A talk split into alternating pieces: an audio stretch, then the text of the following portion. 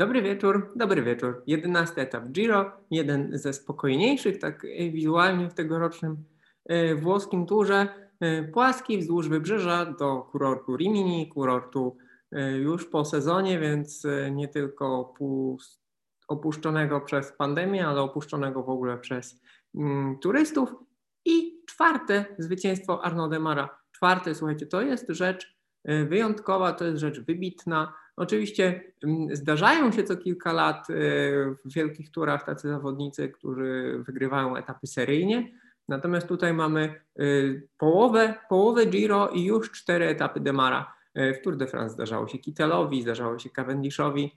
Mm, Petaki jest oczywiście rekordzistą w Giro z dziewięcioma, to jest w ogóle jakiś, no to był fenomen, ale też w specyficznych czasach, nawet jeśli to te dziewięć etapów Petakiego prawdopodobnie e, no, trudno sobie wyobrazić, żeby kiedykolwiek zostało pobite. Natomiast tak czy inaczej, cztery etapy, cztery zwycięstwa tak przekonujące, w tak świetnym stylu. Każdy też z tych finiszy był inny, inaczej rozgrywany. Także naprawdę czapki z głów przed, Arnaud Demarem, czapki z głów przed jego e, kolegami z drużyny, bo rozprowadzają go fenomenalnie, są, y, to jest no, jeden ze skuteczniejszych pociągów naprawdę mm, w ostatnich latach, y, mimo że tutaj jest kilka drużyn, które próbują się przeciwstawić. Mm, drużyna Izrael Startup Nation robi czasami taką dziwną robotę, podobnie jak zresztą na Tour de France. Ustawiają faktycznie pociąg, ale tego nie, nie wykańczają. E, podobnie robił Sunweb na, na Tour de France. No, pomocnicy, pomocnicy Demara są tam, gdzie mają być. E, tutaj e, szczególnie, szczególnie należy wyróżnić Guarnierego. Ten pociąg, jest, ten pociąg jest już słabszy, ponieważ wczoraj z trasy zszedł Ramon Zinkeldam, ale wciąż jest niezwykle skuteczny. E, dzisiaj, słuchajcie, zastanawiałem się, czy Peter Sagan da radę, bo jakby no, on wypalił po prostu wszystkie zasoby, wydawałoby się wczoraj, a jednak finiszował i to finiszował w taki bardzo spektakularny sposób. Ewidentnie y, czuje się, musi się, Słowak musi się czuć dobrze, ponieważ kiedy widział, że y, Gaviria, za którym początkowo próbował jechać, traci rozpęd, Sagan szybko zmienił koło, zmienił koło na koło Demara i jeszcze próbował z tego koła wyjść.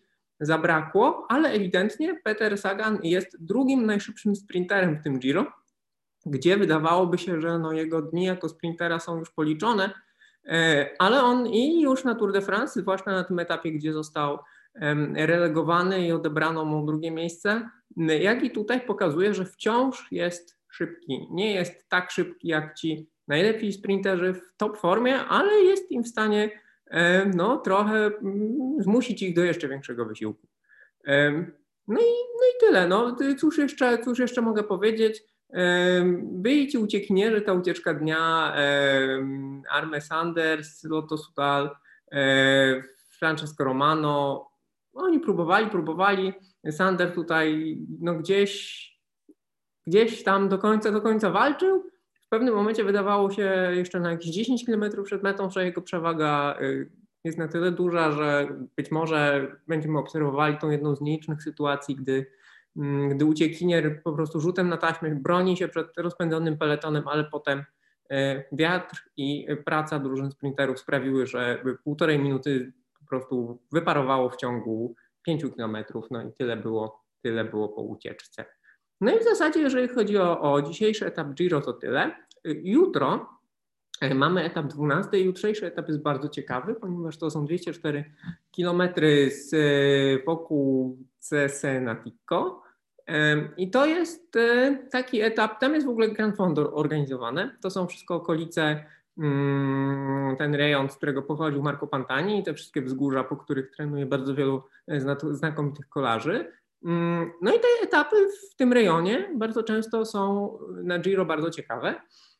To jest taki jakby odpowiednik tego, co czasami na turze oglądamy w masywie centralnym. I nawet jeżeli z podjazdów jest raz, dwa, trzy, jest dziewięć podjazdów takich wyraźnych, do tego kilka troszkę mniejszych górek. I to, że z, ze szczytu ostatniego, to jest niby premia górska czwartej kategorii, do mety jest um, 30 kilometrów jeszcze, to nie znaczy, że tam gdzieś nie pojawi się jakaś selekcja. Bo y, znowu trzeba o tym mówić, nie wiadomo jak daleko Giro dojedzie. pewnie do końca tygodnia, tego tygodnia. A Mauro Veni twierdzi, że wszystko jest pod kontrolą, że drużyny są testowane i na COVID i że wiele więcej przypadków nie będzie mm, w peletonie, natomiast no, w Mediolanie, do którego Giro zmierza, sytuacja robi się dramatyczna, mm, no więc nie wiadomo jak to będzie. Więc jutro jest ten etap, gdzie jakiś długi atak, jakaś znowu próba gubienia kogoś, ewentualne defekty, ewentualne jakby zjazdy są też niebezpieczne. Trzeba być czujnym, jeżeli się chce być w grze na czasówce i w Piancavallo, które mogą być decydującymi etapami o y, tym, y, o losach tego wyścigu.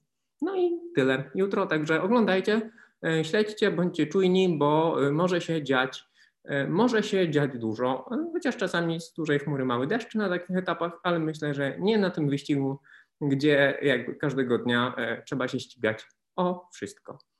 Tyle ja dzisiaj. Dziękuję uprzejmie. Do zobaczenia. Cześć.